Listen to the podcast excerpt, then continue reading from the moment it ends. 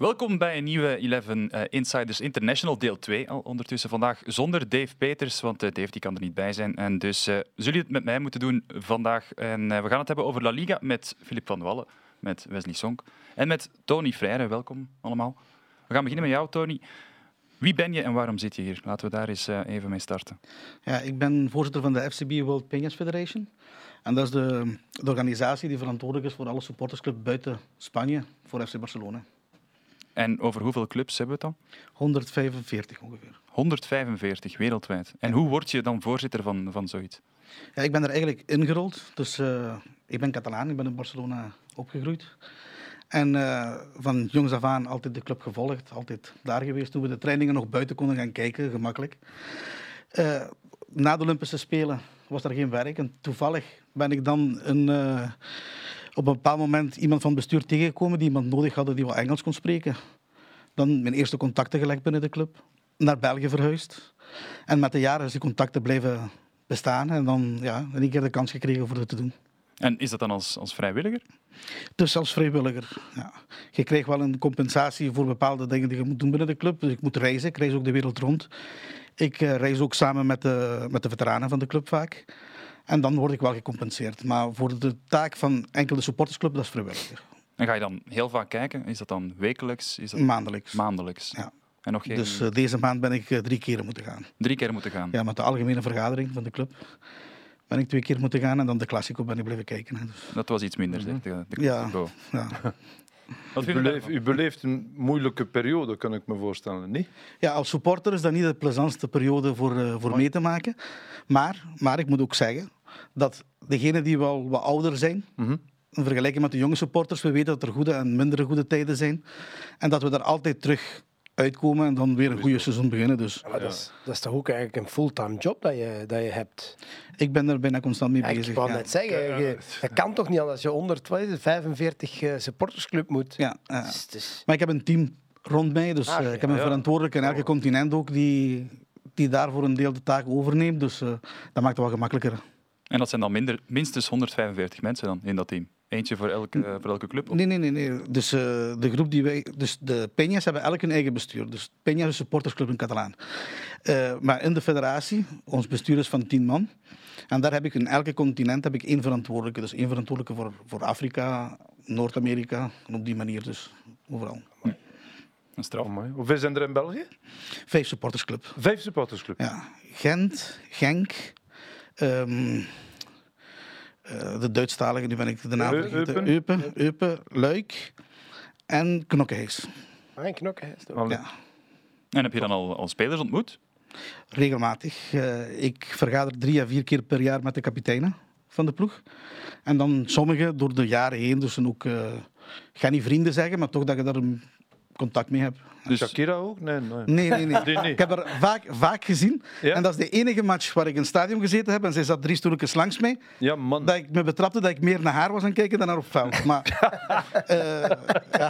Ik denk niet dat iemand je dat zo kwalijk neemt. Nee, nee, nee. nee. Zelfs, zelfs, zelfs mijn vrouw begreep dat. Zelfs je vrouw Zelfs mijn vrouw begreep dat, ja. Super. En dan, dan heb je Messi al ontmoet. Ja, ja verschillende keer. Ik heb Messi... Ik heb een anekdote met Messi. Dat was uh, de eerste jaar dat hij begon van de B naar de eerste ploeg zo wat mee te trainen. Uh, we hadden dan een ontmoeting met de leden van Peña Fanatiek. Dat zijn die van Genk met de spelers. Maar toen was Ronaldinho de grote ster. En we waren de training aan kijken. En uh, iedereen wilde foto met Ronaldinho, Deco. Die mannen die toen echt gekend waren. En Messi was daar rond aan lopen en ik kon op zijn gemak rondwandelen. Niemand kende En mijn vrouw die zei tegen mij van Tony, maak je een foto met die jonge gast daar, want die staat daar zo alleen. En ik zei, ja, nee, nee, ik moet Ronaldinho hebben. Ik moet, hè. En uiteindelijk door de gezaag van mijn vrouw toch de foto gaan maken met hem, wat nu eigenlijk een van mijn mooiste foto's is. Hè, want, Geweldig. Dat was juist voor, voor de sprong naar de Maar Ronaldinho wist dat toen al, hè? Ja, die, wist, die wist dat toen al dat hij. Uh... Ja, ja, de, de, de gerucht is dat Ronaldinho naar de B-ploeg vaak ging kijken om Messi te zien voetballen. Dus die was zeker dat dan Toen een van de grote gingen worden. Ja. Dat is iets om jaloers op te zijn, hè Wesley, Messi ontmoeten. Um, ik wou dat ik dat ook kon zeggen. Ik heb hem al heel vaak van dichtbij gezien. Uh, ik heb uh, ook via Thomas Vermalen ben ik in Barcelona een paar keer geweest. Uh, maar ik heb er, ja goed, ik, ik, ik, kan er niet tegen spreken, maar ik spreek Spaans. Ik weet niet of dat zijn Engels goed is, maar soms loopt hij een meter voorbij. Uh, ik heb ook eens een heel mooi verhaal in, in Barcelona. Op een gegeven moment waren wij moesten wij, na, na de wedstrijd moesten wij richting de perszone gaan. En we liepen gewoon door de kleedkamer. En ik denk dat dat met Wilfried Mostings was. En Wilfried en ik, wij stonden gewoon voor de kleedkamer van, uh, van Barcelona. We stonden gewoon voor de deur. Wij, wij, waren, wij moesten daar niet zijn. En Iniesta kwam buiten en die gaf ons een hand. Dus om maar te zeggen, ja. En sprak hij Engels? Uh, nee, die zei gewoon uh, goeiedag. En, en, voor de rest was En iedereen zei, wie, wie is die gast daar naast de Wesley, of wat? Uh, nee, nee, maar, dat, was, ja, dat zijn van die dingen dat je dan meemaakt, maar zo heb ik dat ook al ja, meegemaakt in, in, in PSG Top, bijvoorbeeld. Dat zijn van die onnozeliteiten dat je meemaakt tijdens die, die reizen dat je dan doet, inderdaad. Hè. Ja. En dat je dan verdwaald geraakt in, in een groot stadion. Dat was in het begin. Hè. En, en dan, dan eens liepen wij daar aan de kleedkamer. En ben je dan nog onder de indruk? Want ja. Nee, eigenlijk ben ik dat nooit geweest en ik zal het ook nooit zijn. Als, als ik, ik kan niet onder de indruk geraken van voetballer. Maar het is omdat je zelf een voetballer ja, bent. Ik kan dat niet. Het is omdat ik, ik, ben, ik, kan wel onder indruk zijn van wat Messi doet op een veld. Dat is iets helemaal anders. Maar ik kan nooit onder indruk zijn als die... Van de persoon. Ik, ik heb al vaak gehad dat mensen worden helemaal zot als Messi voorbij komt, of Ronaldo, of noem maar op, dan denk ik, maar jongens. Eh, maar als ze dan puur naar hun voetbaltechnische dingen, ja, dan denk ik van wauw, ik heb daar ook gestaan en ja, dan ben ik van een prutser. Hè. Ja, zo, dat, dat, is het eigenlijk. Dus, hmm. dus daar kan ik wel uh, ja, verwonderd naar kijken. Mhm. We gaan het even hebben over, over de actualiteit. Ik vind dat ik een opmerking mag geven wat je juist zei. Ik vind dat is een tendens van de laatste twintig jaar. Vroeger was dat gemakkelijker een speler als supporter. Te een speler tegen te komen in de stad of waar dan ook. En nu tegenwoordig gebeurt dat niet meer. Hè. Die, zijn allemaal zo afgezonderd en die krijgen een andere status dan 20, 25 jaar geleden. En dan heb je die, die effect hè, van bij de jonge mensen dat oh, Messi komt langs of Iniesta of... ik heb dat ook nog gehad met Maxwell bijvoorbeeld. Ik ben Maxwell ook gaan bezoeken in Barcelona. Dat is bij het restaurant naast Abidal en zo.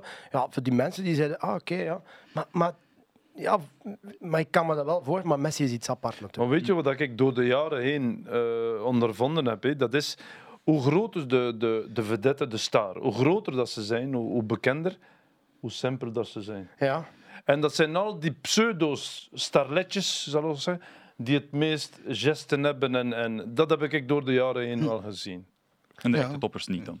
Echte toppers blijven toppers. Hm. We gaan het even hebben over, over de actualiteit. Koeman die is, die is ontslagen bij, bij FC Barcelona na 15 maanden. Is dat een goede zaak?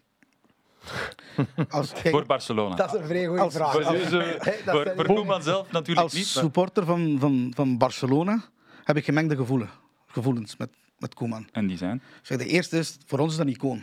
Dus de man die ons de eerste Europa Cup beker, de eerste Champions League gegeven heeft naar Barcelona. Uh, een, een heel belangrijke speler in de geschiedenis van, van Barcelona. En de andere is de moment dat hij in de club is gekomen, nu als trainer. Ja. Dus als supporter denk ik, moet hem altijd dankbaar zijn dat hij Barcelona genomen, allez, gepakt heeft als trainer in een moment dat iedereen wist dat het slecht ging. Niet alleen met de spelers die we hebben en met het systeem van voetballen, maar ook economisch en, en sociaal of, of, institutioneel. Wat de club is, hè, daar, draait het niet goed op het moment. En dan moet je dankbaar zijn wat hij gedaan heeft. En ik denk ook dat hij het beste heeft gedaan met wat hij kon doen, met wat hij had op veld. Dus, uh... Is dat zo? Ik vind dat wel. Ik vind dat een zeer, zeer goede analyse. Uh, ik, ik heb hem zelf al gehad als trainer. Uh, maar, maar uh, ik, ik, denk dat het vooral de afgelopen jaren is. En ik zeg dat al een paar jaar en ze lachen mij daarmee altijd uit. Maar ehm, ze hebben niets vernieuwd. Ze hebben nooit gedacht, de, de, mensen die dan de club leiden, over wat als Messi stopt de Piquets en, en uh, die, die weer geblesseerd is uitgevallen, heb ik gezien. Uh, sommige transfers. Die, is niet nagedacht over, over het feit hoe kunnen we de, de fantastische talenten die daar nu zijn in Barcelona omringen, ja. zodanig dat Barcelona altijd Barcelona blijft. Dit Barcelona van vorig jaar, en gelukkig was Messi er nog, maar dit jaar is niet het Barcelona dat we kennen. En ik, ik praat alleen over het sportieve, hè, want al de rest maar het is wel natuurlijk de club, de, de, de leidinggevende mensen die de spelers aanwerven. Hè. Mm, een beetje het tijdperk dat Real ook heeft uh, meegemaakt, vlak mm. na Ronaldo. Of nog erger. Ja, uh, Madrid heeft het niet gehad. Hè. Hij heeft nog Champions League gewonnen na het vertrek ja, van Ronaldo. Ik ging net zeggen. Ja. Uh, ja, dat was ook een grote aderlating. Hè. Als je Ronaldo... Ja, dat is, maar hij is ook... Ja, zij, kunnen dat, zij hebben dat opgelost door toch nog en, en een goede mix van, van, van hun eigen spelers van Real. Ja. Met, met een paar aankopen, ja. aankopen te doen, zodanig dat die ploeg, oké, misschien wat minder, maar toch nog altijd op een, op een deftig Maar niveau ik vind, ik blijft vind, eh, like dat je zegt, zijn analyse Ja. heel correct. Klopt. Te weten dat, eh, dat Koeman kiest voor, voor zijn liefde, voor Barcelona. Hmm. En dat hij in een, een comfortabele positie zit op dat moment bij Nederland. Ja. Dat vind ik het. eh, ja, een, een getuige van respect dat je zegt van ik kies voor mijn liefde voor Barcelona, Hmm. alhoewel dat hij in een goede positie zit met de nationale ploeg. Ja, Ja. we, gaan dat even, we gaan dat even doorspelen naar, eh, naar een Nederlander, want uh, Juri Mulder die is er ook eh, bij vandaag. Dag Juri, Hi, hallo. Goedemorgen. goedemorgen. Is dat zo, is dat zo in Nederland? Eh, vond, vonden ze dat, dat Koeman... Hij is vertrokken bij, bij de nationale ploeg, waar hij in een comfortabele positie zat, inderdaad. Wat vonden ze daarvan, van dat vertrek naar, naar Barcelona? En hoe kijken ze vooral nu naar zijn ontslag? Nou, ze begrepen dat het vertrek hartstikke goed, omdat eh, iedereen wist eh, dat, dat het zijn droomjob was. En dat hij die droom heel graag achterna zou, zou willen gaan. Dat heeft hij gedaan, ze hebben hem laten gaan. En ik geloof dat hij dat destijds ook in zijn contract had staan. Mm, ja, het is er niet van geworden wat hij. De droom is niet uitgekomen. Het is als een soort van ja, nachtmerrie uitgespat. Maar jullie hadden het net over het beleid van de club. En en ja, het beleid van de club is natuurlijk al jaren niet goed. Hij heeft in één keer veel te veel op zijn bord eh, gekregen. En ja, met een selectie die, eh, die waar voorin geen snelheid zit. Ook door blessures, Ansu Fati bijvoorbeeld. Spelers uit vorm, Griezmann die nooit gebracht heeft wat hij eh, kon brengen. Het vertrek van Messi. Ja, eh, eh, een, eigenlijk een verouderde verdediging met middenveld. Busquets die het natuurlijk nog wel heel goed doet in Spanje, in het Spaanse elftal. Maar bij Barcelona eh, ja, ook met langzame spelers zich moet omringen. Ja, is het gewoon het spel. Hij heeft gewoon te slechte spelers gehad. Maar hem valt ook wel iets te verwijten, denk ik, in de spelers die hij gehaald heeft. Hè. Zoals Natuurlijk Depay was- bijvoorbeeld. Hè? Zoals Depay bijvoorbeeld. Of Frenkie. Nou, de de Jong. denk ik niet. Maar ik denk bijvoorbeeld Luc de Jong, de laatste aankoop. Dat is natuurlijk ook noodgedwongen, omdat er geen geld was. En, eh, maar bijvoorbeeld iemand als Dest, nou, die heeft het wel aardig gedaan, maar is geen Barcelona-speler. Dus eh, ja, dat zijn wel... Ik denk dat hij... eh, en ja, het ontslag zag iedereen wel een beetje aankomen natuurlijk. Over, over Depay, Wesley, is dat een Barcelona-speler? Nee, ik vind dat niet. En eh, ik heb, de- wat Jury net ook zegt, ik denk zonder financiële problemen had Depay nooit bij eh, Barcelona gezeten. Ja, en wat ontbreekt hem dan om een echte Barcelona-speler te zijn? Barcelona-aanvallers hebben altijd klasse te veel. Snelheid, wat Jury net ook zei, de snelheid, dat, dat, dat heeft hij niet. Eh, dat heeft Luc de Jong zeker ook niet. Dembélé die heeft dat wel. Eh, maar die is altijd geblesseerd. Eh, en nu met uh, Kun Aguero, ja, dan haal je al iemand die vorig jaar bij City ook al nooit kon mee. Een reservewiel, En, en, nu is hij weer uitgevallen door ha- hartritmestoornissen, hoor ik. Dus, dus het beleid van de club de afgelopen jaren. eh, ik ben ook een, Ba- een Barcelona-watcher geweest de laatste jaren, maar meer een, een Messi-watcher. Maar daarom keek ik elke week naar Barcelona. Dus eh, eh, het, deed, het deed mij ook pijn als ik ze live zag eh, onlangs eh, op Benfica en thuis tegen Bayern. Dit is niet het Barcelona Ja. dat- ik Ja, ken. ja. Maar ik, ik heb een vraag voor, voor Jury in feite. Eh hing de toekomst van, van Koeman er anders uitgezien heb als Messi was gebleven, denk je? Nee, ik denk het ook niet. Ook ik denk niet. wel als de toekomst, dat de toekomst er anders uit had gezien als de voorzitter die hem gehaald heeft Ja. zou zijn gebleven. Ja. Het is natuurlijk ook een politieke, eh, een politieke club. Mhm. Hè? En ehm, dus, dus de, de, de, de coach die door de vorige voorzitter is gehaald, die is eh, gedoemd tot mislukken. Ja. En, eh, en je ziet nu ook met Xavi dat Laporte zich een enorme bocht wringt om Xavi. Want Xavi was namelijk eigenlijk het lievelingetje van Fonte. Ja, hè, dus de, de, de, de concurrent van Laporte. Nou ja, maar goed, dus, dus dat, is, dat was. Kijk, het, het tijdstip waarop Koeman is ingestapt. Is eigenlijk veel, is te vroeg geweest. Hij had eigenlijk beter kunnen wachten tot de ellende van Bartomeu. Alleen ja, natuurlijk. die kans had hij eerder voor gedaan. Uh, leven om coach van Barcelona te worden. En, en, die, eh, en nu dacht hij, ik ga het nu doen. Dit, is, dit, dit, dit wordt misschien de laatste kans. Ik moet het nu doen. Ja. Alleen ja, hij, eh, hij is... eh, eh, het is gewoon het verkeerde moment. Verkeerde eh, plek. Op de verkeerde jammer. tijd. Tony, ik zie, ik zie je knikken. Nee, ik ben volledig eens met wat eh, jullie zeggen. Maar ik denk ook, toen juist zeggen van de aankopen, maar dat was ook door de financiële toestand dat de club zich vandaag Ja. bevindt. Dat die die aankopen moeten doen en op die manier gaan, gaan de ploeg op veld zetten. Maar de andere probleem dat wij hebben, dat voor mij zelfs groter is dan het sportieve. Want het sportieve is wat de fans zien op elke weekend bij de match of, of bij de Champions League. Maar het sociale bij de club. Dus op het moment, er is een economisch probleem bij de club, maar er is ook ook een sociale probleem. Want bijvoorbeeld over Koeman, huidige voorzitter Laporta, tijdens de verkiezingen zei hij, maar hij wou Koeman niet. Hij had al gezegd van als wij winnen, is Koeman niet de trainer die bij Barcelona gaat blijven. Dus iedereen wist van Ja. het gaat niet lang duren dat die trainer ontslagen gaat worden. Hij had een poging gedaan, maar er was geen akkoord met Koeman voor zijn ontslagvergoeding te betalen. Dus had hij geen keuze en is Koeman iets langer kunnen blijven, omdat de ontslagvergoeding niet is kunnen betaald worden.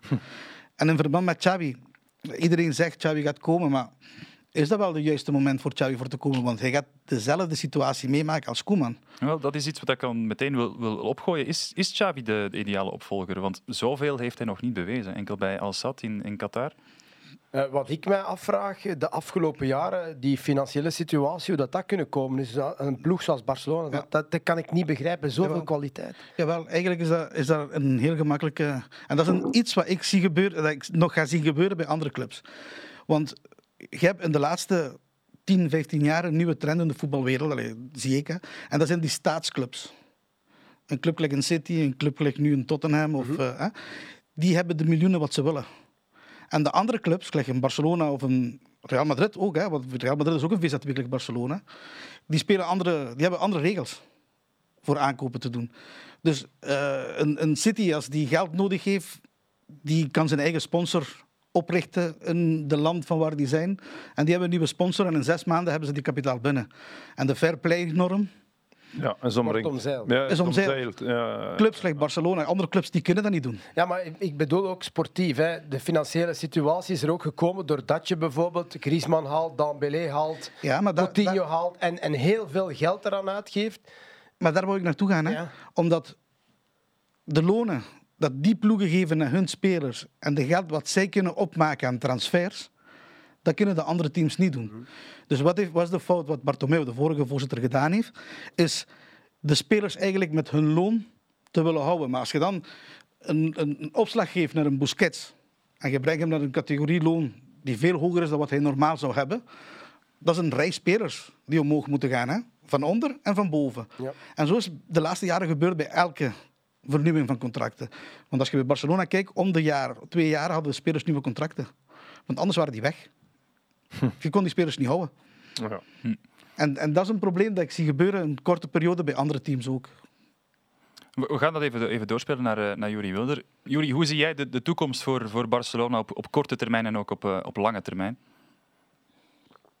Nou, kijk, ik, ik maak me soms wel eens een beetje zorgen. Heb ik me wel al eerder gemaakt. En zij daar niet om het post-Messi-tijdperk. Ik, kijk, zelfs de stad, hè, alles leunde op Messi. Niet alleen die club, maar ook het, bijna het hele toerisme van die stad. Er kwamen van heinde en verre kwamen de mensen naar die wedstrijden kijken. Hij moest, als hij rust kreeg, dan was het ook alleen maar in een uitwedstrijd. Thuiswedstrijden speelde hij altijd. En eh, kijk, als je nu afgelopen zaterdag zag tegen Alaves, een vriend van mij was in het stadion. Hij zegt, er zaten 30.000 mensen. En dat is wel. En, en waarvan 10.000 Zuid-Koreanen ook nog. 10.000 toer- toeristen. dus, dus nee, maar 20.000 Barcelonezen nemen de moeite om een kaartje te kopen en naar het voetballen te gaan. En dat is wel iets wat. Ja, het, de, die financiële situatie, die, eh, eh, als, zij, als die niet beter wordt, en die moet beter worden door inderdaad kaartverkopen, televisierechten is natuurlijk enorm in Spanje, maar ook Champions League, als ze dat niet halen, en ze kunnen niet eh, weer aansluiting krijgen door ook goede spelers eh, te krijgen, dan gaat het misschien langer duren. Dus ik maak me wel een beetje zorgen, ja. En dan nog een, een laatste vraagje. Heeft, heeft Ronald Koeman nu imago-schade geleden in Nederland? Nou, nee, niet zo. Want kijk, ik vind ook Koeman, ook in Spanje, eh, zelfs nu direct na de wedstrijd van Alaves, zeiden ze al: Koeman kan er niks aan doen. Want het is net zo. Dus het zit er niet in. Koeman heeft een ploeg gehad, hij heeft heel veel blessures gehad. En wat Koeman heel goed heeft gedaan. En dat werd in de Spaanse kranten vooral na die Nations League eh, geschreven. Marca schreef, eh, dankzij Koeman hebben we die Nations League gewonnen. Omdat Koeman heeft namelijk die jonge spelers eh, allemaal een kans gegeven. Hè? Dus hij heeft wel ook een aantal dingen gewoon hartstikke goed gedaan. Kijk naar Gavi, als je kijkt naar Pedri, Ansu Fati. Die was er misschien al, al nog, maar die andere jongens die, eh, die hebben wel onder hem gedebuteerd. Eh Mengeza. Dus eh, dat, is wel, eh, dat is wel hartstikke goed geweest. Nee, hij heeft geen imagoschade opgelopen. En hij is een, eh, een miljoentje of 10, 12 rijker. Dus eh, Dat is ook niet slecht zelf is hij er ook niet slechter van geworden. Oké, Juri Mulder, bedankt eh, voor, je, voor, je- voor hier bij ons te zijn. En eh, veel plezier nog met alles wat je, wat je nog doet. Dag best. Dankjewel. Doei Filip. Doei. Doei, doei. Dan gaan we even, even door nog over, eh, over Barcelona, over de, ja, de interimcoach die, die nu is aangesteld, Sergi Barjuan. Een man met een gigantisch verleden bij de club natuurlijk. Ik lees hier eh, drie keer Spaans kampioen, Ja. twee keer eh, de Ook beker een gewonnen. legende, Ja. speler van de Dream Team met, eh met Cruijff. Dus eh, Tevreden. echt, eh, ja, het is een tijdelijke trainer. Hè. Het is niet een trainer die je verwacht voor een ganse seizoen en die de titels gaat brengen die je verwacht. Of die de wissel gaat doen binnen de club die nodig is. Waarom niet? Zou dat niet kunnen?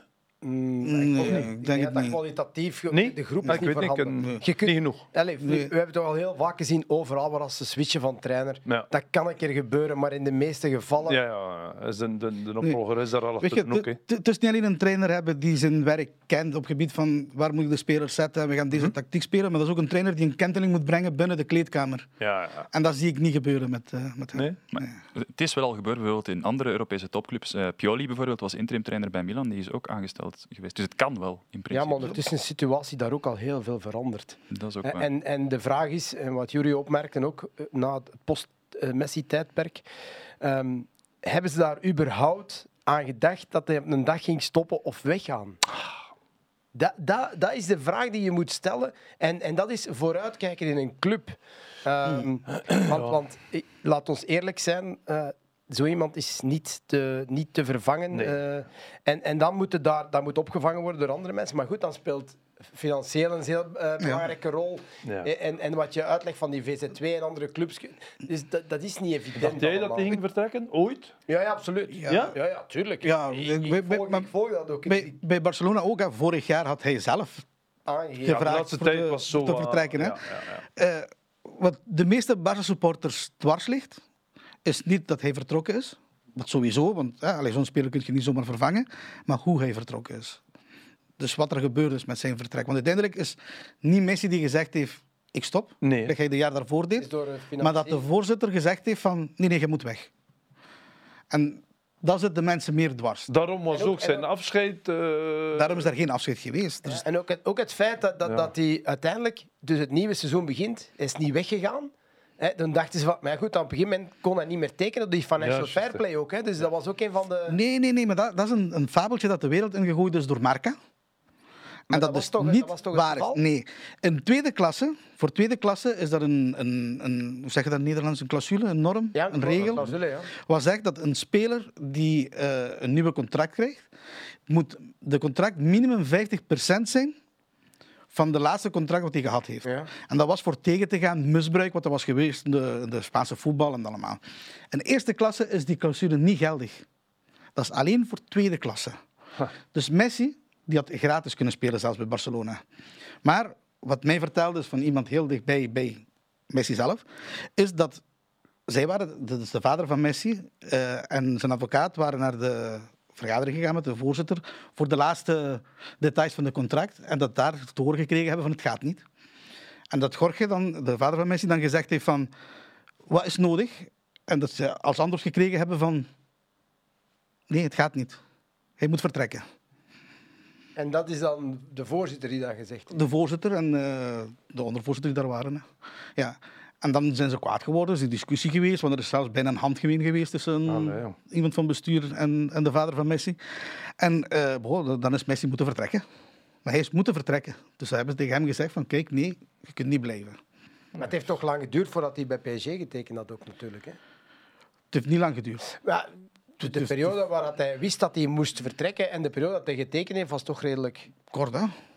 In, drie dagen was dat al eh, klaar. Ja, maar dat was toch eerder al geweten dat die... Gesprekken zijn geweest. Die had die- gesprekken ja, met dat- verschillende dat clubs gehad. En- En dat ze toch het gevoel Ja, hadden van, ja. hij moet... Tot die emotionele vertrek. Dat was toch emotioneel om te zien. Of was dat misschien een beetje je- gespeeld of niet? Als je, nee, nee, nee, dat van Messi. Zeker niet? Dat van Messi weet ik 100% van. Nee, nee, nee. Flip, als je daar 20... Als, als, nee. Messi, Messi. Allee, omdat hij nooit, hij heeft nooit echt zijn gevoelens getoond ook, hè, als speler. Voor Barcelona. Voor Barcelona Zijn toch? gevoelens bedoel ik. Allee, als je ziet hoe dat hij vertrok en ik zie hem nog toekomen, eh, eh, een zakdoek vragen daar aan zijn vrouw, denk ik, of weet ik wel. Allee, dat was toch iets, dat was toch een, een, Ja, een dat- serieus ik denk beeld. dat hè. dat iets doet. Ja, omdat Dat- hij niet weg wou. Hè. Goh, man. Dus hij wou niet weg. Hè. Hij, had ook, hij heeft dat in die persconferentie ook gezegd: hè, van, Ik wou niet weg. Ja, Dus ze hebben me nu gezegd dat ik moet dat is vertrekken. toch erg, man. Dus hij heeft daar rechtuit gezegd: hè, van, Hij wou blijven. Hè. Maar ja, het bestuur heeft anders besloten. Hè. En dat begrijpen we de meesten niet. Hè. Dus, eh, Ja, dat, dat kan ik begrijpen natuurlijk. Als, eh, als dat de reden is, dat, dat de beste speler die er ooit voor Barcelona heeft gespeeld, misschien dat hij dan Ja. weet je, tegen zijn goesting moet vertrekken. Iets wat we merken nu met de nieuwe bestuur. En nu ben ik zo'n beetje tegen mijn bestuur aan het praten, dus misschien krijg ik van mijn oren. Opletten, opletten wat je zegt. Is, nee, maar ik heb. Die, Dag in Nederland. die, die, zijn, die zijn een beetje aan improviseren. Er was geen plan klaar. Als je ziet zo in Spanje, als je gekozen wordt als eh, bestuur van een club, moet je een borg betalen. Eh, dat was 130 miljoen dat, je dat ze moesten betalen. En dan op laatste nacht hebben ze die geld bijeengekregen, hebben ze drie extra man op bestuur moeten zetten. En zo, alles is geïmproviseerd. Xavi is nooit de favoriet geweest van de huidige bestuur van Laporta. Die heeft anderhalve maand geleden nog gezegd dat hij niet klaar was voor een ploeg als Barcelona te trainen. En nu onder druk Ja. Gaat die Xavi Maar halen. wie, wie, wie was dan wel de trainer? Dat is de grote vraag. Hè. Ah, Dus, oké. eh, daar, ah, ja. wie, wie haalt je Niet, bij niet Barcelona? Koeman en niet Savi. Eh, Voor hem niet. Hij heeft altijd gezegd, hij wou Koeman niet.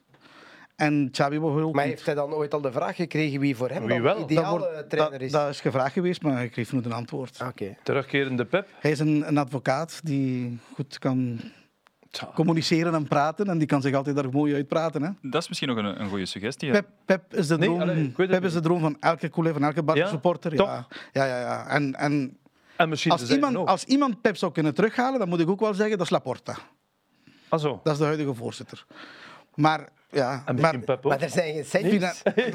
ja, financieel, gaat dat niet. En, la- en Ja, maar- Guardiola Dat is dus de droom van iedere, van Barca supporter van Barcelona. Ja. Ja? En Guardiola heeft altijd gezegd dat hij ooit terugkomt naar Barcelona, maar nooit meer als trainer. Oei.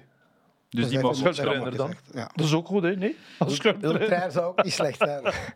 Zijn er dan andere suggesties hier eh, aan tafel om eh Maar ik denk dat je bij de Koeman? ideale Man City, dat, hij kent de club van binnen en van buiten. Ik zou niet weten wie ik... Als Dat moet, ik- altijd, dat moet bijna altijd iemand zijn die gelinkt is aan de club. Hè. Daar. Ja. het kan niet, Ja. het kan Ik niet had- zijn dat er een buitenstander... eh, Ja. Maar ook met de nodige ervaring wel. Ik had graag nu in de ploeg gehad eh, Garcia Pimienta. Dat was de trainer die we in de B-ploeg hadden. Mhm. Die heeft al die jongens die nu door zijn aan het schuiven, hè, Balde, Gabi en al die gasten, die heeft hij klaargemaakt, hè, die heeft hij getraind. Dat is eigenlijk dezelfde situatie dat Guardiola toen meegemaakt had toen hij de eerste ploeg kreeg. Hè. En ik had hem de kans gegeven. Voor een paar jaar. En dan in die paar jaar proberen financieel de club weer een beetje in balans te krijgen. Eh, die jongens laten roderen. Want nu heb je een ploeg waar heel veel verschil is. Dus je hebt veteranen die een beetje al over de, Ja, de top zijn. hè? Ja, ja. Je hebt verschillende spelers die geblesseerd zijn. Je hebt veel jonge spelers die het talent hebben, Maar nog maar die, hebben de ervaring niet voor, Ja. voor dat op te vangen, die drukte en dat Ja, allemaal. dat, dat was heel. eh, dus ik zat voor de Champions League, eh, Barcelona, Bayern. Op een gegeven moment komt daar eh, Pedri, eh, Gavi. Eh, er was nog een jongen, eh, een middenvelder, ik ben even zijn naam kwijt. Balde als linksachter kwam in de ploeg. Mm. Eh, gasten met ongelooflijk veel talent. Je ziet dat, Ja. Maar, maar niet tegen Bayern München. voilà. Nee, nee, dat, gaat niet. tegen. Nee, nee. Dat is jongens tuurlijk tegen mannen. Ik bedoel, en ik had het gevoel dat Bayern enorm veel respect had, want als ze daar op de Dat gaspedaal ja, duwen, dan was dat 0-5, 0-6. Ja, ja, we ben ik volledig mee akkoord. Maar ik, ik had graag gevoel ook met de Een Classico. vraag stellen aan, aan meneer. Tony. Stel je voor, stel je voor dat, dat de voorzitter morgen komt met Zinedine Zidane. Wat is uw reactie dan als trainer?